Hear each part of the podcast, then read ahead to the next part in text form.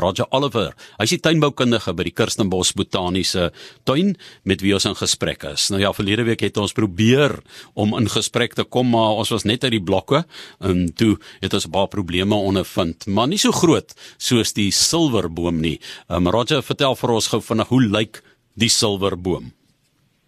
Maar ek landmerig luisteraars.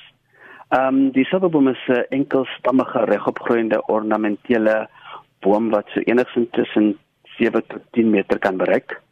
Uh hierdie spesies beskik oor 'n baie pragtige dik en ruwe bas. Uh wat hierdie spesies veral uitsonderlik maak is dat die uh, sagte silvergrys loof uh wat wat wat uh, die uh, blare so 'n sagte silwer skynsel kan gee vir al op 'n dag. En dit word dan veroorsaak deur hare wat op die blare voorkom. En die skynsel is natuurlik onderhewig aan varierende weeromstandighede. So het jy byvoorbeeld dat uh, op 'n warm dag uh gebeur dat die hartjies platval om die blare uitermate uh, te beskerm.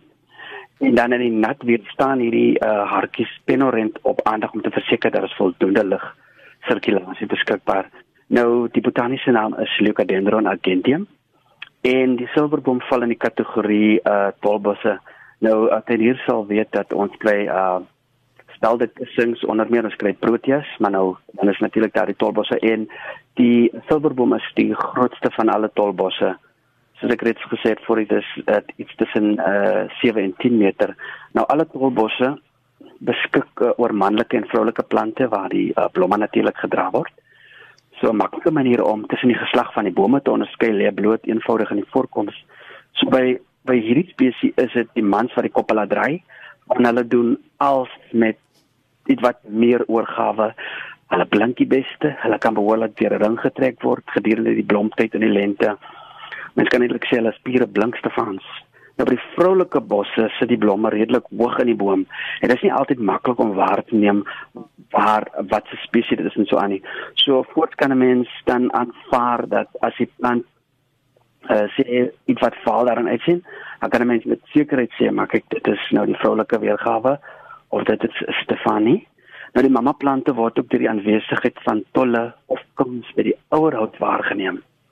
Maar faal of dit nie dit sê en haar susters wat die toekoms van môre in die bosoms ondra en verder as dit by uh lekker ryk welriekendheid kom is dit ook dat die manlike plante glad nie genoeg daarmee is om die knie te buig voor die Evas nie en beide Adam en Eva beskik dan oor 'n aangename geur en dit is nie oor Adam selfsugtig is nie inteendeel daar is 'n baie baie eenvoudige rede hiervoor dit is dat uh, reuke is belangrik om die bestuivingsagente wat uh kewers is die pad aan te dui na 'n lekker vars maal. Dit is in kort wat die silverboom is, Johan. Pragtige storie. Hoe skaars en bedreig is die silverboom? Nou volgens die uh Suid-Afrikaanse Nasionale Biodiversiteit se uh, rooi data lys word hierdie spesies beskou as bedreig en wat bedoel word met bedreig is dat dit word verleen aan spesies wat 'n groot kans het om uitwissing in die gesig te staar. Nou die silverboom populasie waarvan daar ek dink uh, omtrent 8 populasies in 'n 8 uh, km radius is, het na raming so wat 74% afgeneem en dit uh, hoofsaaklik nadat meer as die helfte van die habitat feitelik in pyn gelê is vanweë aspekte soos verstedeliking en dan natuurlik ook landboupraktyke soos bosbou. So dit uh, is redelik 'n uh, uh, bedreig soos die soos die status uh, daarin aandui, maar die die grootste bevolking, die natuurlike bevolking van hierdie spesies word in die natuurlike uh, landgoed van die Kirstenbosch Nasionale Botaniese Tuin aangetref. So groot gedeelte van hierdie populasies of subpopulasies word dan uh, bewaar. Nou, ehm um, was dit altyd so min of het iets hulle getalle afgebring? Was dit nie altyd weier versprei oor Tafelbergie? Ehm um, Johan wat wel die geval was is dat die populasies groter was. Ehm um, nou uh ons ons moet teruggaan miskien na die geskiedenis van die jare terug moes talle van die bome plek maak vir die aanplant van uh, etlike eksotiese spesies soos byvoorbeeld dennebome of bloekom vir bosbou. En hier kan van die etlike plantasies nog rondom Tafelberg getuig dat dit byvoorbeeld gehad ook verworging van bestaande kolonies deur indringerplante.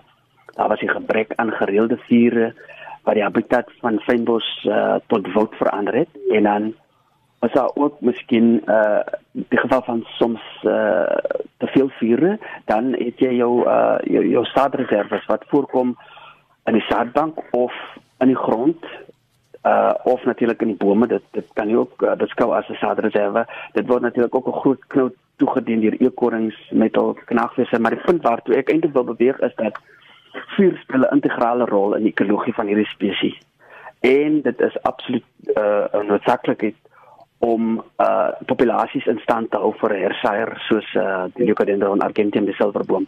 So in die 60 en 70 byvoorbeeld was daar in talle er uh uh in alle erns begin om in die natuurlike landgoed by uh Kirstenbos of basies die berg en woudgedeelte stelselmatig uit die kloue van uh indringerplante te bevry. Met dit toe uh redelik gestabiliseer is dat toe 'n sensus van die silverbome uh in die tuin in die laat 70's gedoen. En so uh uh byvoorbeeld het die uh uh uh sensus toe iets soos uh, omtrent 7000 plante opgelewer. Maar glo my toe hulle 35 jaar later 'n soortgelyke sensus doen kon daar net 1000 plante gevind wat so daar is omtrent dan toe 'n afname van omtrent uh 6000 plante. So uh die afleiding wat uh, man of meer gemaak kan word is dat waar daar 'n vuurverdrukking of geen uh, vuurbestuurstyl gevolg word nie, daar beslis 'n negatiewe impak op uh, op populasie uh, kan wees. In die voorkoms van sê byvoorbeeld uh, meestal verouderde of verouderende bome dan is daar ook uh, dat jy 'n lae populasie aanwas met betrekking tot seile uh, seilinge sal hê en dan ja la uh feitelik die onafwendbare met 'n konstant danende bevolking Nou voordat ons gaan gesels oor die fungus wat die silverboom bedreig, wil ek net by hoor die onlangse brand by Tafelberg was tipe van 'n fratsbrand gewees en was daar ook baie skade.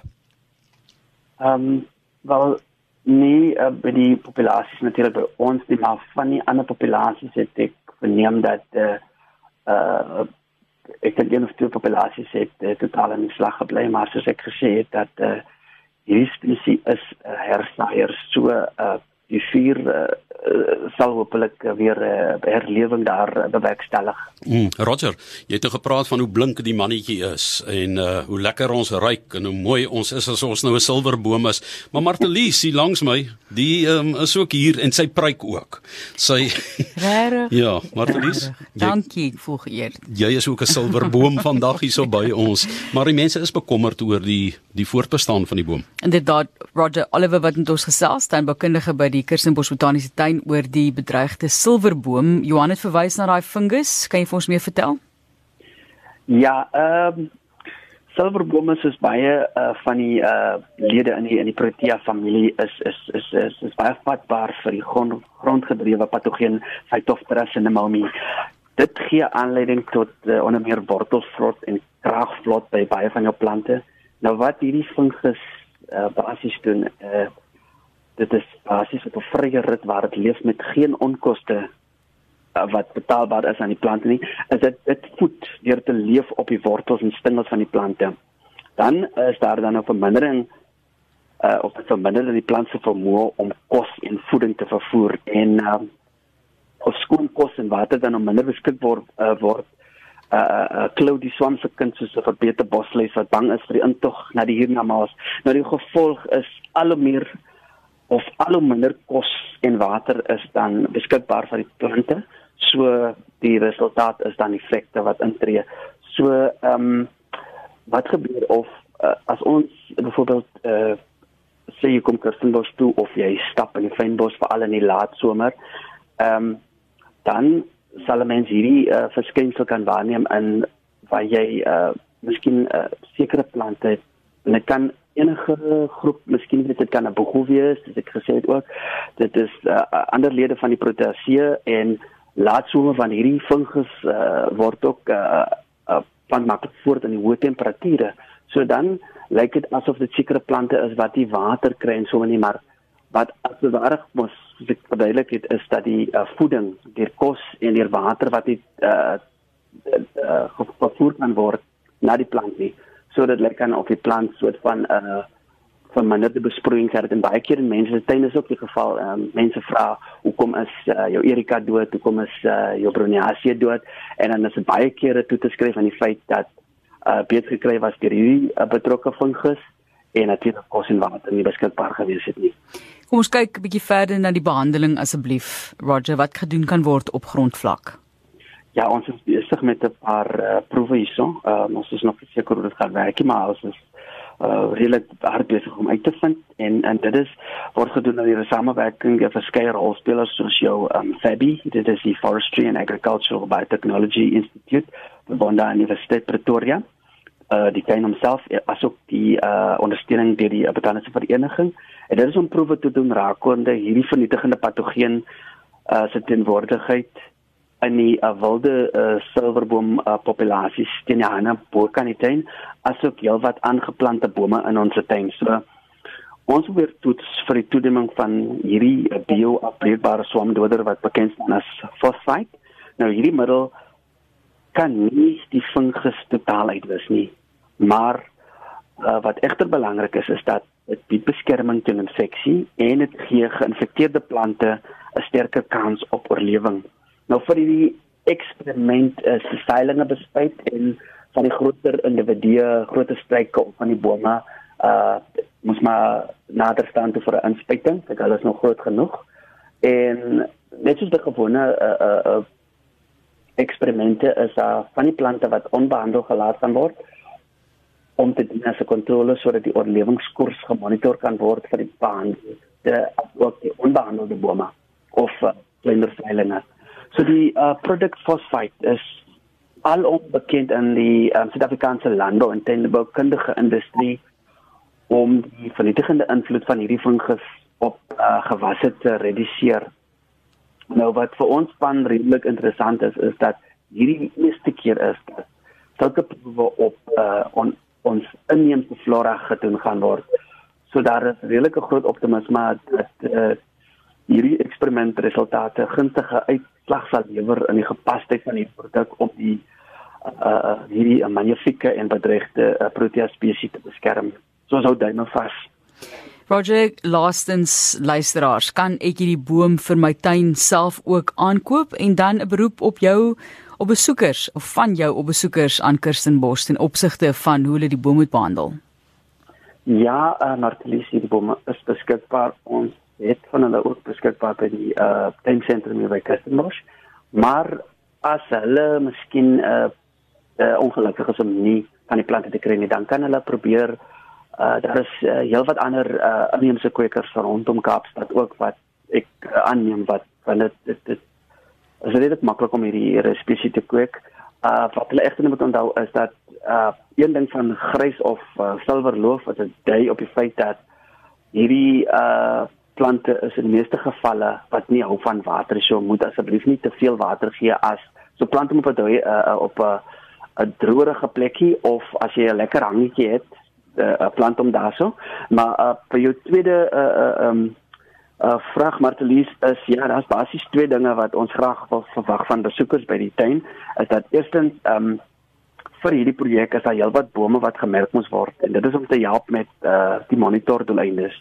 So asseblief tog uh besoekers moet tog nie van die etikette verwyder nie. Kyk maar daar na julle Twitter sou asseblief tog uh as hulle nou interessante etikette sien. Dan die ander aspek is dat dit die spore van hierdie fungus al te maklik deur uh skoensole oorgedra kan word. Vra ons asseblief die besoekers om asseblief uit ons plantbedding te bly want uh uh ons kan dit of die die die die uh wie kan so maklike vektor word om van die een bed na die ander bed uh hierdie hierdie swam oor te dra.